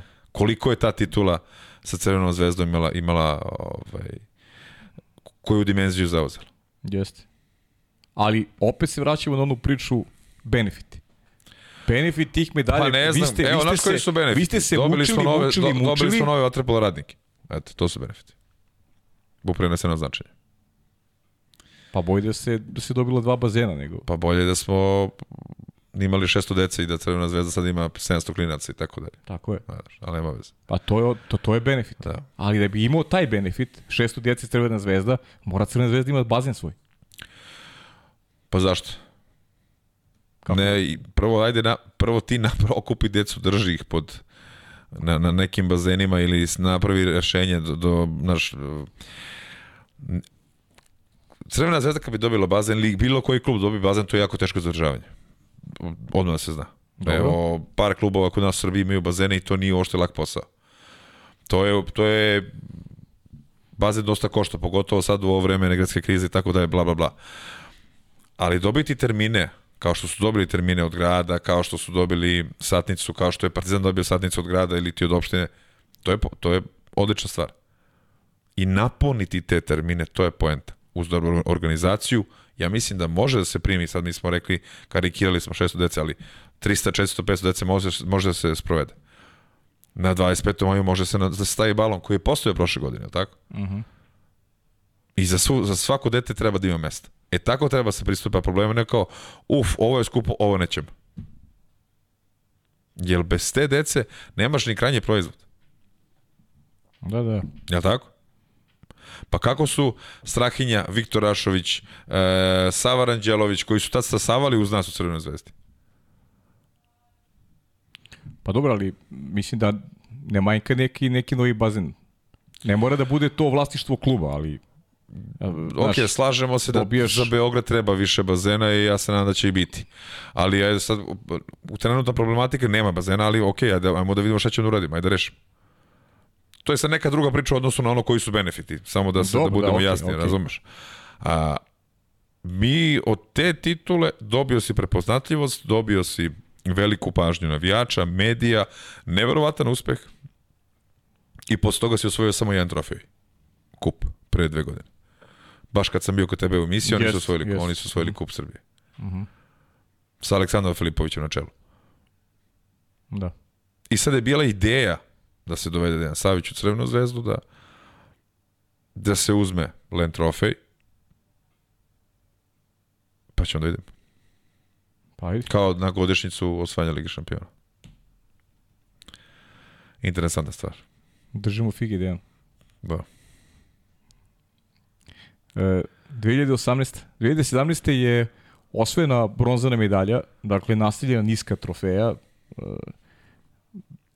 poraz od Hrvatske u polufinalu, ali bronza osvojena i onda idemo na tu 2018. godinu i neka naznaka tog rivalstva sa Španijom koje to datira punih pet godina recimo gde je Španija tada imala onako profilisala se kao reprezentacija koja onako bi mogla iz još kao iz onog perioda Estiartea da bude da bude potencijalni glavni rival i neko se nametalo da bi i u Riju mogla da bude uh, u Riju, u Tokiju da bude glavni rival. Stvarno je bila sjajna utakmica to finale i, peterci gde je Srbija osvojila još jednu a, zlatnu medalju na, evropskim šampionatima i to je bila četvrta za redom. Dakle, ljudi, četiri puta za redom je Srbija. Mi smo preskočili 2016. godinu, nisam to uradio ovaj, namerno, ali pričali smo o Riju kao 2015. eh, Kazanj i ovde se pripremaš za Rio. Ali ti imaš obavezu kao ekipa ili igraš u Beogradu evropsko prvenstvo. Ti ne možeš da se pripremaš za Rio, već eh, pred svojom publikom najmanje će ti se obaveza da osvojiš zlatnu medalju jer to se od tebe Jer očekuje. moraš. I ti ponovo moraš. Beograd je domaćin evropskog šampionata i ti moraš. Znači ti e, u, u jednoj godini, u jednoj sezoni, u 2016. e, ti e, moraš negde da osvojiš dve zlatne medalje. Ljudi, e, pa da li to može neko osim, osim Waterpola? Ja Mislim da, mislim da ne može, ali ali ajde da se vratimo na tu 2016. Malo sam je, kažem, slučajno sam ovaj, to, to ovaj, Da, puno ih je bilo, pa nemoj da neko zameri. Da. Ali je to, ajde kažem, epski događaj u, vezan za Waterpolo, to je bilo najposećenija utakmica, Waterpolo utakmica u istoriji u Beogradskoj areni i, impo, i impresivno finale protiv e, Crne Gore, Tako je. gde je to bilo neizvesno do samog kraja tvrda utakmica, jaka utakmica Crna Gora, predvođena odličnim Vladimirom Gojkovićem i sjajnim igračima koji sada nastupali za Crnu Goru. Stvarno je bilo e, uživanje gledati takvu utakmicu i takvo finale. I naravno osvojili smo zato medalju i naravno najavili smo taj Rio na najbolji mogući način, što je bilo dodatni neki pritisak na igrače, je li tako? Pa i na igrači na deke. Pa jest. I na deke. Jeste. Jesmo, jel su to ni pominjali u razgovoru? Kao naš, možda bi sad trebali da, Tako je, da. da usporimo da bi tamo mogli. Jel, znaš, malo smo se žargonski rečeno popeli svima na onu, na onu stvar sa tim zlatnim Da. medaljama. Jeste, jeste. I organizacijama i ovim. Mislim, E, to indirektno. je poseban aspekt priče. Indirekt, indirektno. Poseban Znaš- aspekt priče, to vezano za Dejana, ono što, što se ja njega pitao x puta, to se malo i, i, i da li si ti video za ovih 10 godina da, da se Dejan, da Dejan reaguje na, na sudijske odluke uh, nervozno, da, da pokazuje neke, znaš, on, on, on je, on sve to primo, on je, on je to vežbao i on je, on je o tome pričao, on je vežbao da, da e, ostane negde dosledan sebi, da, ga, da, da ne obraća pažnju na te nepravde, to je učio igrače, da uopšte ne reaguju na, na sudijske odluke, već da budu fokusirani samo na bazen. Tako i on bio fokusiran samo na bazen, mogo je da reaguje milion puta. Koliko puta smo uh, žargonski rečeno lajali u televizoru, jer ne možda verujemo šta se, šta se dešava, pa u Tokiju u krajnjem slučaju, ali neverovatno kako je on uspeo sebe da, da dovede u, u tu takvu fazu koncentracije da, da nikad, evo ja za ovih 10 godina njega nisam video da je da je imao neku, neku nepristojnu reakciju, neki gest koji je mogao da utiči na vas u bazenu, jer znaš kako, kad, kad kapetan, kad kapetan uh, počne da gestikulira i kad pokazuje znake nervoze, uh, ti onda isto počinješ i ti da talasaš i da, i da ideš kapetan, njegovim- kolega? Pa kapetan, on je kapetan, kap, kapitan je u bazena, on je kapetan broda. Dobro, I dobro. kada on, kada on pokaže neke znake nervoze, ta nervoza može se preneti u bazenu, tako? Dobro, slažem se, on je maksimalno bio fokusiran na ono što se dešava u bazenu i na ono što radi. I uvijek je voleo da, da dok, dok drži timeout, da, igla, da ga igrači prate, prate, prate pogledom. Da bi on mogao da čita situaciju, da vidi ko je kakav. I obično ako se setimo timeout, osim ovog što je sad bio u, u Segedinu njanja nja, uvijek je govorio kakav si si dobar ili možeš. I ja dok sam bio igrač i sada isto, uvek želi da ima ta interakcija i pogledom i, i verbalno. Uh, da li je vežbao ili nije vežbao, uvek je nije nikad previše pravio gestikulacije vezano za sudijske odluke, napravi neku gestikulaciju, ali se uvek na kraju nas, nasmeje. Uh -huh. I tu se vidi njegova veličina. I na taj način je jedan od redkih trenera koji pa nemam pojma koliko je mogo puta da sad dobije neki karton ili nešto da bude uzbiljnije kažnjen, ali uvek je tu bio od početka do kraja za ekipu. Što je jako bitno. Uh -huh. Što je jako bitno.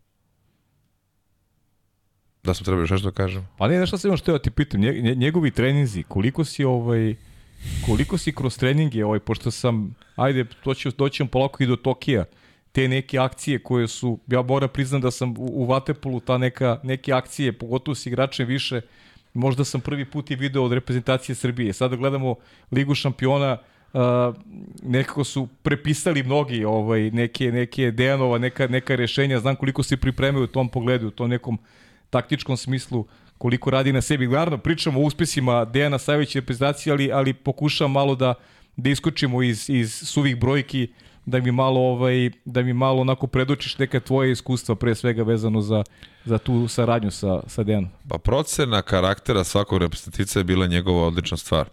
On je gledao i probavao kroz pripremni period koliko ko šta može. Sad govorim o mojoj generaciji i generaciji pre ove. E, svakog je znao da upotrebi, neću uh -huh. da kažem iskoristi, upotrebi na najbolji mogući način u datoj utakmici ili u datoj situaciji. Mhm. Uh -huh. Što je njegova veličina. Avangardu koju je on izdvoj, izdvojio je u razgovoru sa ostalim našim velikim imenima Vaterpola naučio. Kao kada je počinjao svoju karijeru. Slušao, zapisivao, razgovarao, njegovo veliko iskustvo iz odigranja u domaćim klubovima, u, u, u inostranstvu. Sve je to Dejan upotrebio na najbolji mogući način. Onako njemu poznato. I igračima lakše shvaćeno. Tako da smo imali igrača više koji se i dan danas pokazuje na trenerskim seminarima. Imali smo uh -huh. uh, izvanredna rešenja odbra, u, u odbrani koja se i dan danas uh, primenjuju ili pokušavaju da se kopiraju. Ali onaj igrač više krilo krilo gde se do, do besvesti provocira prva linija da se izlomi, gde kasnije šuteri priđu i bukvalno se da prazan gol. U pravu si, to sad vidimo i kod ostalih i reprezentacije i ekipa. Da, vidimo pa ali to je ligu šampiona. Ali, ljudi ne kapiraju glavnu stvar. To je mnogo lako da uradite kad imate Fiću, Mandu, e, Andriju, bravo, Duška, e, priča, Jakšu, da. Mitra. Da, da. Znači sad, možemo mi da, da vežbamo ovde u studiju šta god hoćemo, kako ćemo, pa je. Jest, Znaš, jest. Nici ti levoruk, niti sam ja... A tanak sam i sa plivanjem. Jel? To dobro, ja kad, kad god te zovem, ti si na bazenu, ali ne volim mnogo. uvek nešto brbuće. nešto brbuće. Šalim se, ali ja, to, to ljudi ne kapiraju. Da. I oni mogu da gledaju to, ali Dejan uvek ima svoj pečat na kraju. I uvek Dejan uh, voli da isprovocira na pozitivan način, kad kaže isprovocira ostale trenera da vidi kako će da reaguju na neke taktičke zamisli. U pripremnom periodu da ostavi, da pusti, da on vidi ko je kod njih najbolji igrač, da on vidi koga on želi da da pusti i što bi se reklo na kom igraču dobijemo utakmicu. Ili il možda problem ovaj, celoj priči danas, eto i neki pritisak možda, možda i javnosti i ne znam, možda nismo dovoljno svesni da se ne rađaju Fiće i Andrija svake godine, nego da, da je to generacija, ok, vada ima sad i drugih priča. Mnogi govore kako su misli posle Dejana Savića, Dači Kadinovića, Vlade Vujasinovića da da sledi potop. Se, seti se kako ste, kako ste otišli u Rim 2009. godine. Odeš po super, šta? Oti, Sa dve majice jednim šorcima. Pa da, ali i, i pričamo danas o najboljoj generaciji. Slažem se. E sad, da li, da li ovi momci, ajde da, da, da malo skrenemo temu. E, u posljednje dve godine Srbija u tim e, mlađim kategorijama gde god se pojavi osvoji medalju. A jedno vreme to nije bio slučaj. Nije. Sada redovno se osvoji medalje. Dakle, evo Podgorici zlatne medalje. Uroš je ove godine i na mediteranskim igrama takođe osvojio medalje. Miloš Korolija na uh, U16 je osvojio takođe medalje. Uroš osvojio dve medalje. Uroš osvojio dve medalje. Uroš osvojio da i na svjetskom prvenstvu. Uroš osvojio tri medalje. Tri medalje, stvarno. Uroš osvojio tri medalje ove godine. Miloš je osvojio jednu sa U16. E, prošle godine su takođe Uroš i Miloš osvojili po jednu medalju na dva takmičenja. Dakle, ti u posljednje dve godine imaš, imaš pet medalja sa, sa, sa takmičenja. Dakle, gde god se pojaviš uzmeš medalju. Pritom, Miloš je izgubio u polufinalu na peterce. Uroš je ovde izgubio Beogradu u, na peterce, u, finale. na peterce finale. Dakle, nisu izgubili utakmicu Uh, da, da, tako je, slažem se. Znaš, mislim, to su, to su stvarno, stvarno sjajni rezultati. I napredak u odnosu neki raniji period kada govorimo o mlađim kategorijama. Pa to je ono što, što treba da se sada vidi na koji način će ti momci koji su sjajne generacije bili, kako će da uđu u taj seniorski sastav. I da li mogu da uđu uopšte u seniorski sastav. Mi to možemo da uradimo, ali nemamo trenera još uvek. Da.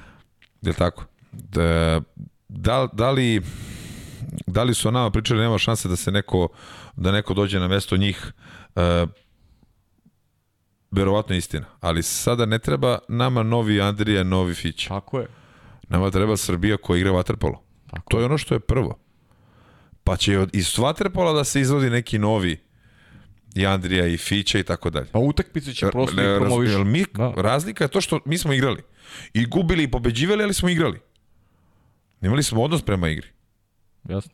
I to treba, iz toga treba da se stvori neke nove, neka nova imena poznata, prepoznatljiva vaterpolo imena koja će da budu okosnice reprezentacije, kostu reprezentacije i tako dalje. Vasilij Martinović koji je odigrao sada u Podgorici. u Podgorici je bio MVP šampionata. Yes. On je malo pre do toga igrao u, u, u Splitu. U Splitu. Znači, mi imamo to potencijalno neke nove, što se kaže, zvezde i tako dalje. Ajde da ih samo da ih kanališemo na, na, na pravi način. Dečko sjajnu igru u Ne, ne, slažem se. Evo, izdvojio bih kao njega, kao mm. Pija i tako dalje. Da, da. Treba samo da vidimo na koji način ćemo da ih upotrebimo, da ih stavimo u funkciju tima. I onda možemo pričamo da će biti neki novi Manda ili ti neki novi Fića, i Andrija i tako dalje. Uh -huh, uh. Uh, ajmo da zaokrežimo ovu priču vezanu za, za te Dejanove, Dejanovih 10 godina. Uh, pričali smo o, o Barceloni dve, 2018. i, i toj njegovoj viziji uh, 2019. svetskom šampionatu kada je poveo pomlađenu ekipu, kada je u krajnjem slučaju uradio nešto što je bilo i ljudski naspram ovih uh, starijih igrača koji su imali još samo jedan cilj pre sobom, to je pokušaj, tada se verovalo da će olimpijske igre biti 2020. godine. Da. I oni na taj način želi da odmori uh, momke koji su već koji su već stariji i istrošeni u klubovima po 15-16 godina koliko niste imali jedno, jedno slobodno leto. Tako da je Dejan tu video neki, neki dvostruki benefit i da uvede u sistem nove igrače i da pritom odmori, da odmori starije igrače. Na 2019. se, kažem, nadovezala ta 2020. kada, kada Srbija nije osvojila medalju na evropskom šampionatu, poraz na peterce od Španije, opet od Španije koja je zaista onako jako dobra ekipa i idemo u Tokio. Nikola u Tokiju Da li si bio od onih e, optimističnih koji je verovao u zlato ili... ili ma jesam, ili apsolutno, ma jesam, apsolutno. Znam koliko su znam koliko su oni bili svesni tog zlata. Znam koliko im je to bilo, jer su malte ne svi tada, ajde kažem, razgovarali, svi su tada znali da će se oprosti. Uh Mhm. -huh. I zbog toga je ono bilo onako emotivno posle zlata. Ima sad ono Mitrovo, a sada dio ima simbolike sada. velike, velike simbolike. Da, a sada dio, da, pa, Pa, ima. po, ponovo pustite mi terapeva. Da, da. Pa ima i iz Dejanove perspektive, da. Pa ima, ka, mnogo je to bilo emotivno zbog samih momaka i zbog celog pečata reprezentacije Srbije, cele karijere, raz, razvijanja od početka do kraja. Mm. Nije mala stvar igrati za reprezentaciju preko 10 godina. Nije mala stvar biti i na klupe reprezentacije 10 godina sa takvim uspesima. Ljudi, mi nismo ni svesni koliko su to veliki uspesi. Mi samo pričamo ovde o medaljama kao događajima neki. Pa ne, kao da su uzimali nisu nulicu. to događaji. Olimpijada je najveća svetska smotra. Jeste. U, u, u, u, u sklopu toga ti osvajaš najsjavniju medalju. Ti, znači, tvoja zemlja je najbolja na svetu. Velike stvari su napravljene pod palicom Dejana Savića. Velike, veliki igrači su se rodili i e, dok je bio selektor. Znači, samo treba da bude malo realniji. I da ovaj uspeh, znači, je neverovatan šta su momci uradili. Odbranili zlatnu medalju na olimpijskim igrama.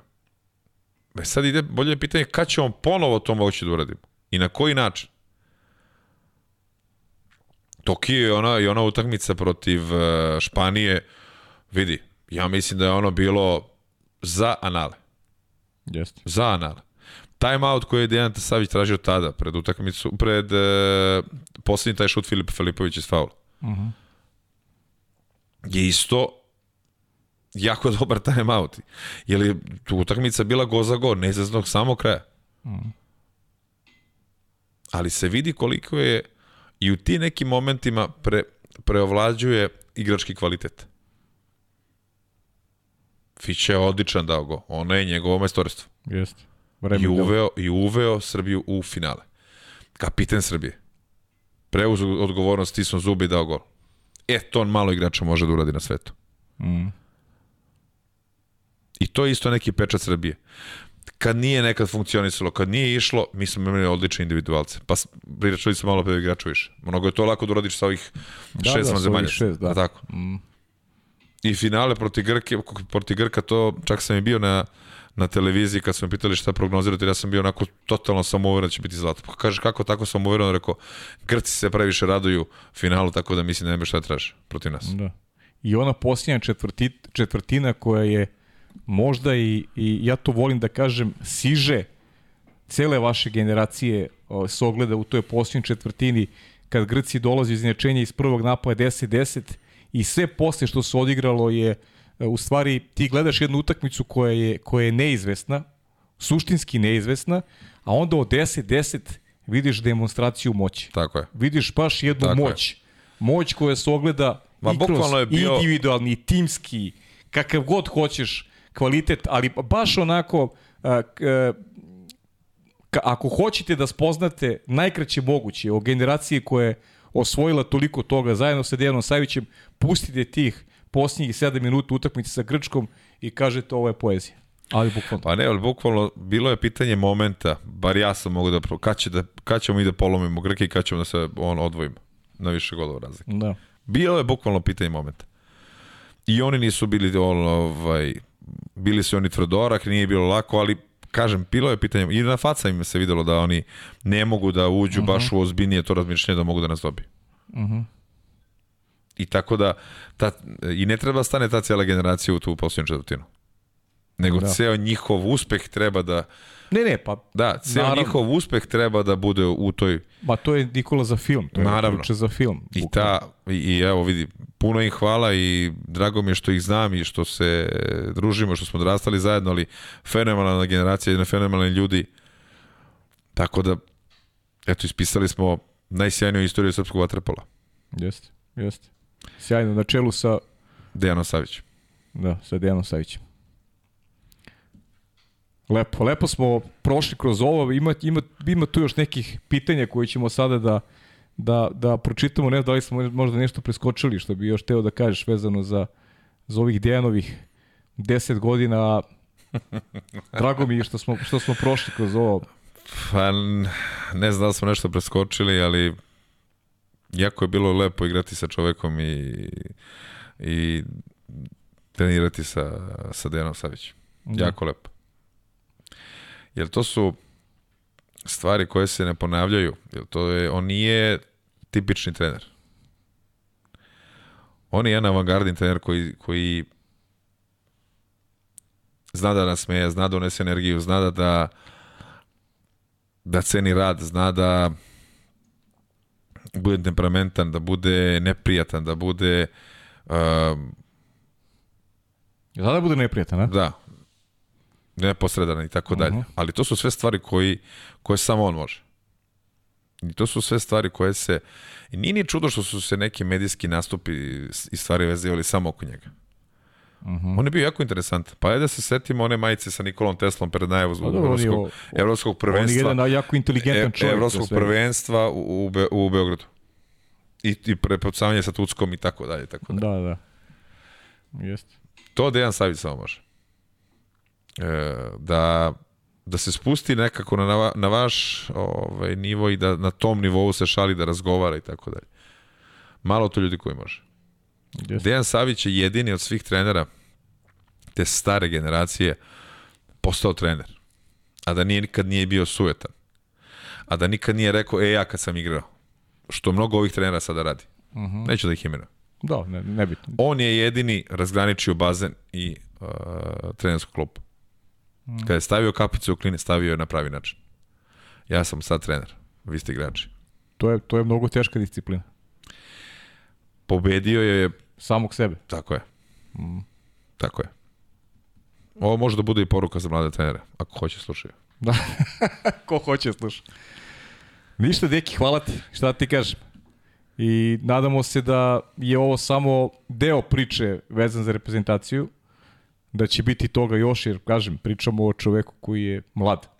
Mlad trener sa tako, sa tako malo godina, kada govorimo o trenerskom stažu, osvojio je sve, da, siguran sam da, da motiva u da. nekoj budućnosti neće nedostajati, a naravno da srpskom vaterpolu držimo fige da i naravno poruka Savezu da što pre ovaj, izaberu novog selektora, jer na taj način, način će da omogući čoveku koji bude izabran da ovaj, već sada počne razmišlja o sledećim akcijama. Naravno, kogod da bude izabran imaće podršku uh, ove kuće i, i naših podcasta, tako da to uopšte nije sporno, ali mislim da je u interesu svih da, da, se, da se odluči što je brže moguće kako bi, kako bi taj čovjek imao neku, neke, neke jasne ovaj, vizije o tome kako da se priprema za naredne godine opet dva velike takmičenja.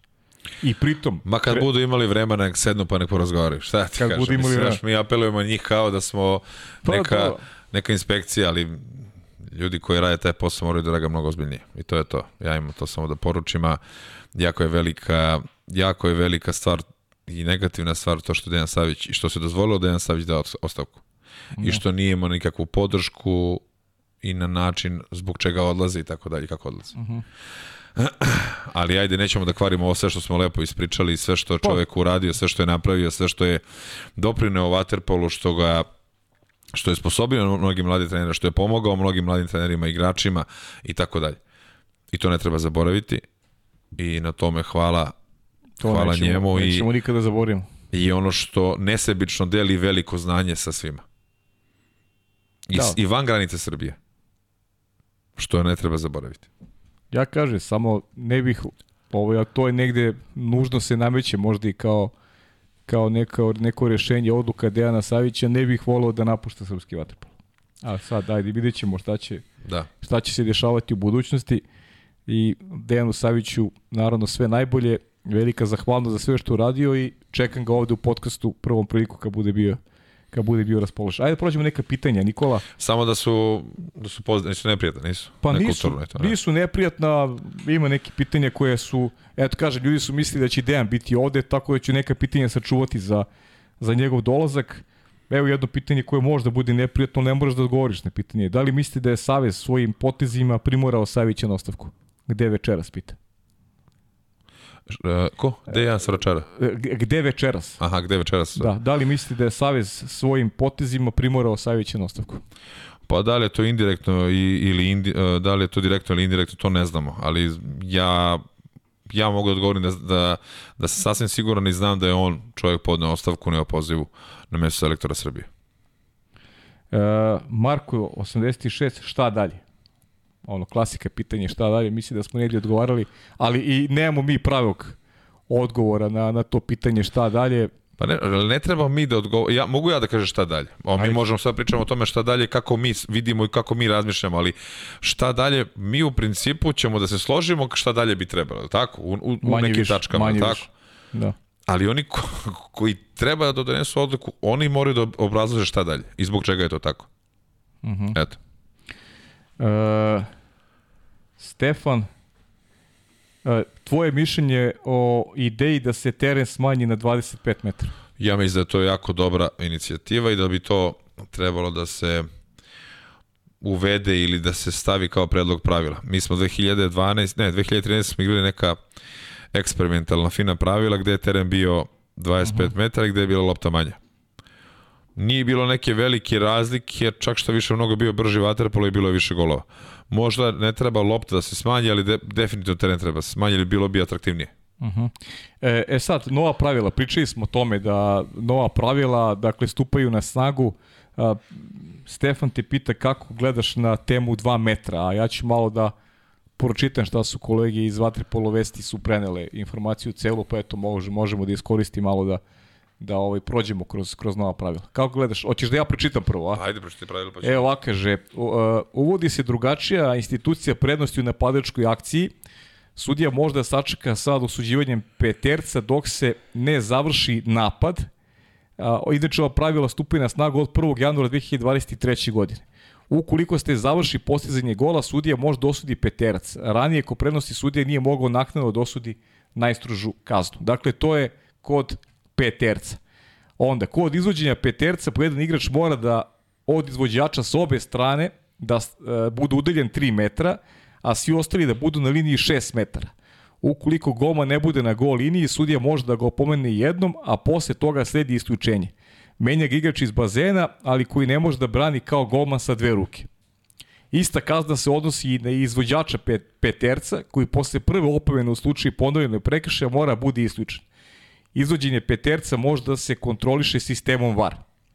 Menja se pravilo 2 metra, to je ono što ćeš ti da odgovoriš. Ono više ne važi za kompletnu širinu bazena. Sada se gleda samo prostor od 2 metra ispred gol linije koji se, koja se ograničava prostorom od 2 metra sa obe strane stativa. Ukida se termin brutality, već se uvodi termin nasilna akcija.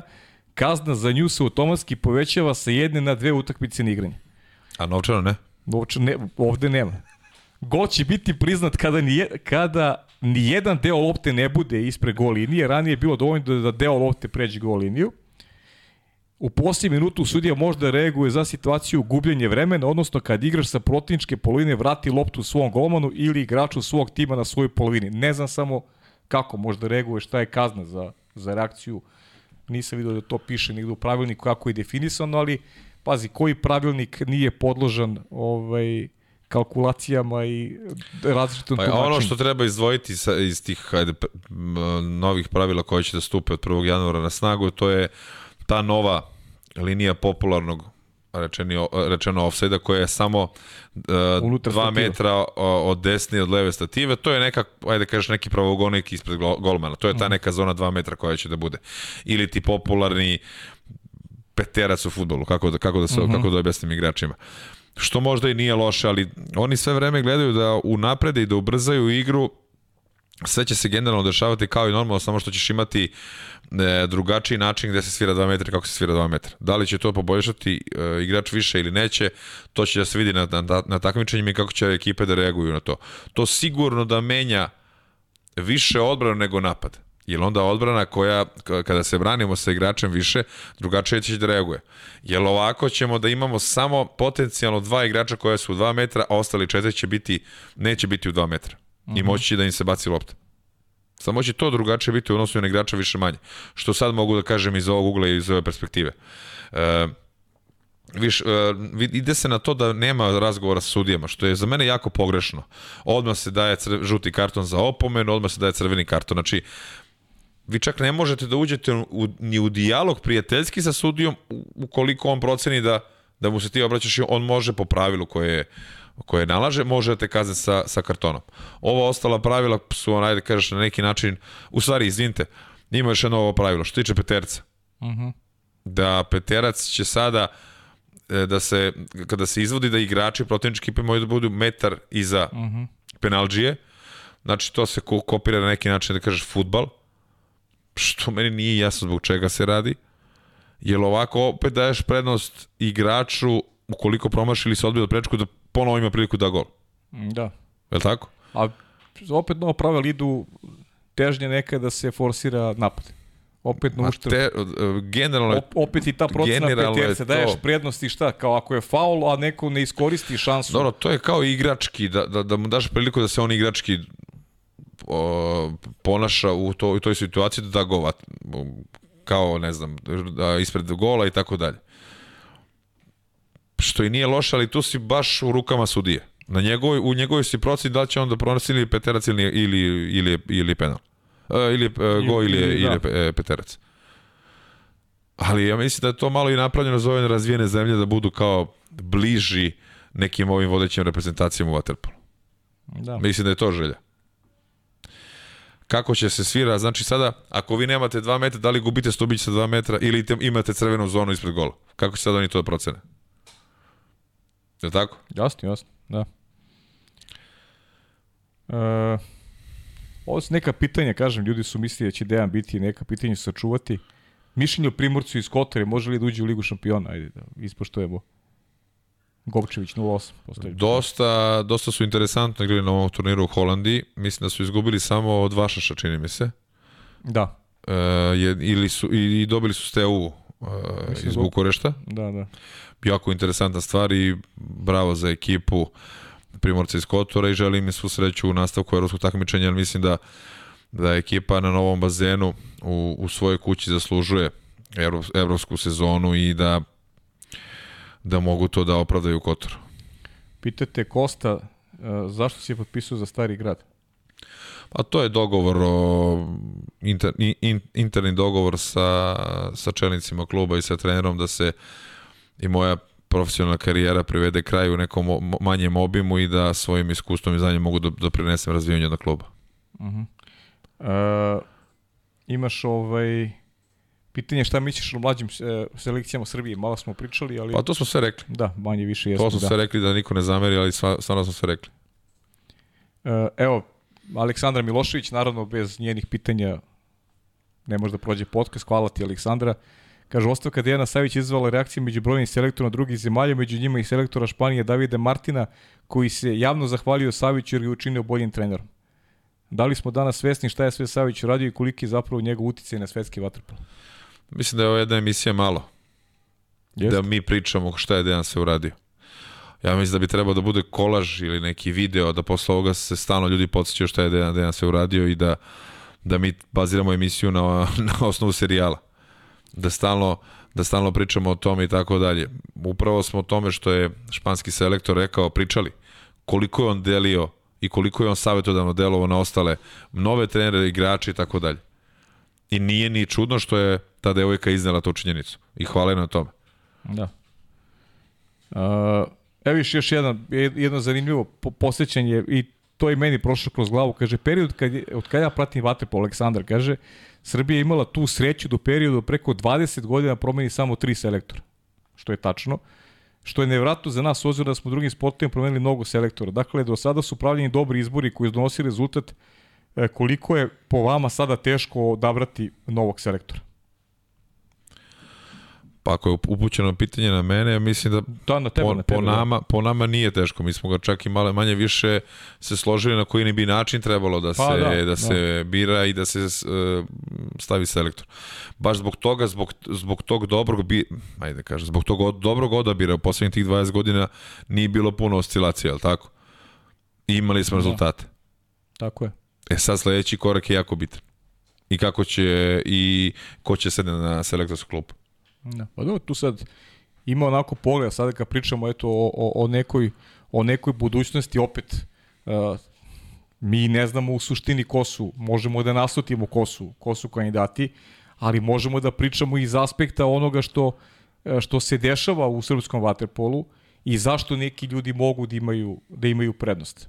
Prvo, Žile koji se vratio u srpski vaterpolo, koji ima sad tamo jezgru igrača koji će trenirati i kroz klub, Uroš koji je već godinama, on nikad nije ni izlazio iz srpskog vaterpola, pritom sve ovi uspesi koje smo naveli kroz mlađe repestivne selekcije, uh, to su on je, on je osvojio koliko? Četiri medalje u prethodne dve godine sa tim mlađim selekcijama. Tu još Miloš Korolija koji je takođe osvojio dve medalje sa da. mlađim selekcijama. Dakle, uh, treneri koji su maltene u sistemu uh, i, i koji jako dobro poznaju uh, tu decu, ajde da kažem decu, te, te, te mlađe generacije koji sutra treba da budu nosioci u, u, u srpskom vatepolu. Mi sad imamo onako jedan, jedan balans u reprezentaciji, ne možemo više pričamo o Strahinji i Viktoru kao mladim igračima, oni su već, već imaju, imaju iskustva, već a, dovoljno su iskusni da, da treba i da ponesu taj tim, ali, ali govorimo o ovim momcima koji su osvajali sada medalju u prethodne dve godine i koji polako se uvode u sistem, a tu su ovi, ovi treneri koji rade u Srbiji, koji ih jako dobro poznaju i možda su oni nekako logičnije rešenje da da budu da naslednici onoga što se što se zove da. Dejanovo nasleđe. Ne znam, ne znam da li se slažeš. Ma slažem se, mislim da mi trenera imamo i imamo izabranike koji mogu da, da sednu na klupu de selektora Srbije, ali mi kažem, na nivou ove priče, na nivou podcasta možemo da razgovaramo i možemo da odgovaramo na pitanja ljudi, ali krajnja odluka će sigurno biti čelnih ljudi Saveza. Kakva će ona da biti, na koji će, na koji će način oni da, da biraju, to samo oni znaju i koji je sistem vrednovanja i bodovanja, to samo oni znaju.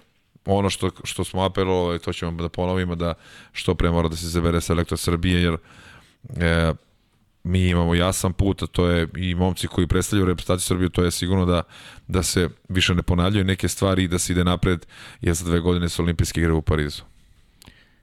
Nikola, misliš da, da je ovo dovoljno bilo, a? Mislim da je Dejan Savić ostavio na izbrisiv trag u srpskom vaterpolu. Mislim da je Dejan Savić jedan od najuspešnijih vaterpolo trenera, jedan od najuspešnijih trenera generalno u istoriji ove zemlje i treba mu čestitati i zahvaliti mu se na tome ono kako je, na koji način je vodio reprezentaciju, na koji način je doprineo razvoju vaterpola, srpskog sporta, kontinuitet medalja je neizbrisivo i mislim da se sigurno neće nikad ponoviti. Dejane, hvala ti, za mene ćeš uvek biti veliki gospodin i vidimo se na bazenu.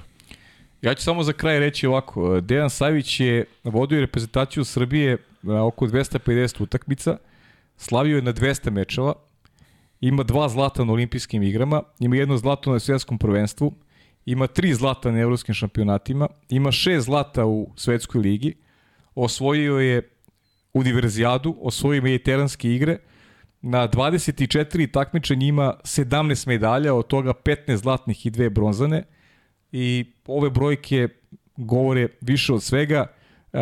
Dejan Savić je trostruki laureat u izboru za najboljeg trenera sveta, najbolji je trener u izboru Olimpijskog komiteta Srbije. dobitnik državnog ordena, dobitnik majske nagrade i mnogih drugih nagrada sa eto 47 godina, rekao sam Dejan je mlad čovek, Dejan je mlad trener i e, želeo sam prosto da evo sa pričam sa Nikolom malo se posetimo, da posetimo sve vas. Šta je Dejan uradio kao selektor e, Srbije, kakvo je njegovo nasledđe e, kao trenera, kao čoveka, jednog zaista predivnog čoveka? I da mu držimo fige da se ovaj jednog dana i vrati na kormilo Srbije, ako može da ostane u srpskom vaterpolu, da ne bude tih e, odlazaka u inostranstvo, mislim da bi to bio najveći benefit za srpski vaterpol, da mu poželimo mnogo zdravlja, a Dejane poruka javna odavde, kada budeš spreman, ovaj, čekam te u podcastu da, da se ispričamo i da vidimo ovaj, iz tvog ugla kakve su smernice kada je u pitanju budućnost srpskog vaterpola, to očekuje i vaterpolo javnost, a to očekuje i svi ljudi e, koji se bave ovim sportom. Eto, toliko za, za ovaj podcast. Nikola, hvala ti još jednom na izdvojenom vremenu, dragi kolega. Bez tebe realizacija ovog izdanja podcasta bi bila nemoguća. Nadam se da smo uspeli bar malo da ispričamo šta je taj čovjek napravio za srpski vaterpolo i koji, koliko, je njegova, koliko je njegova veličina. a, a, a ima je sigurno. Da, da, a ima je. Nadam se da nismo previše dosadni i da gde će gledoci stvarno imati prilike da gledaju ovde Dejana Savića u bliskoj budućnosti. Eto. Ništa toliko, to je bilo sve za 102. izdanje podcasta pod kapicom. Pratite Instagram profile kako moji, tako i moji koleginica koji su opet bile objektivno sprečene. U vreme snimanja Aleksandra je bila negde u avionu, Sara sa svojim obavezama, ona baš redko sad uspela da uskladi termine, ali mislim da ćemo se neko dogledno vreme okupiti ovako svi na broju i da ćemo uh, opet uspeti da dovedemo goste koji, će, koji su ovako vrlo relevantni i koji će uh, pričati o nekim svojim karijerama, svojim životima i onome što čeka u budućnosti ne samo srpski, već i svetski vatepol i vatepol u regionu. Naravno, očekujemo neko dogledno vreme da će biti tu gosti iz Hrvatske, da će biti gosti iz Crne Gore, tako da svima želim uspešan početak sezone, kreće regionalna liga, kreću i domaće takmičenje, uskoro će krenuti Liga šampiona, tako da se okrećemo klubskim obavezama, naravno naredne godine i e, opet dupli program, što se kaže, i evropsko i svetsko prvenstvo. Naravno, počinju polako i kvalifikacije za olimpijske igre. Ljudi već za dve godine nas čekaju olimpijske igre u Parizu, tako da vreme prolazi, deša, dešavanja e, se smenjuju. Fali ti onda nova lopta ovde. Da, fali mi ova 2020. U stvari 2021. Ljudi, uživajte u ovom podcastu i gledamo se sledeće nedelje.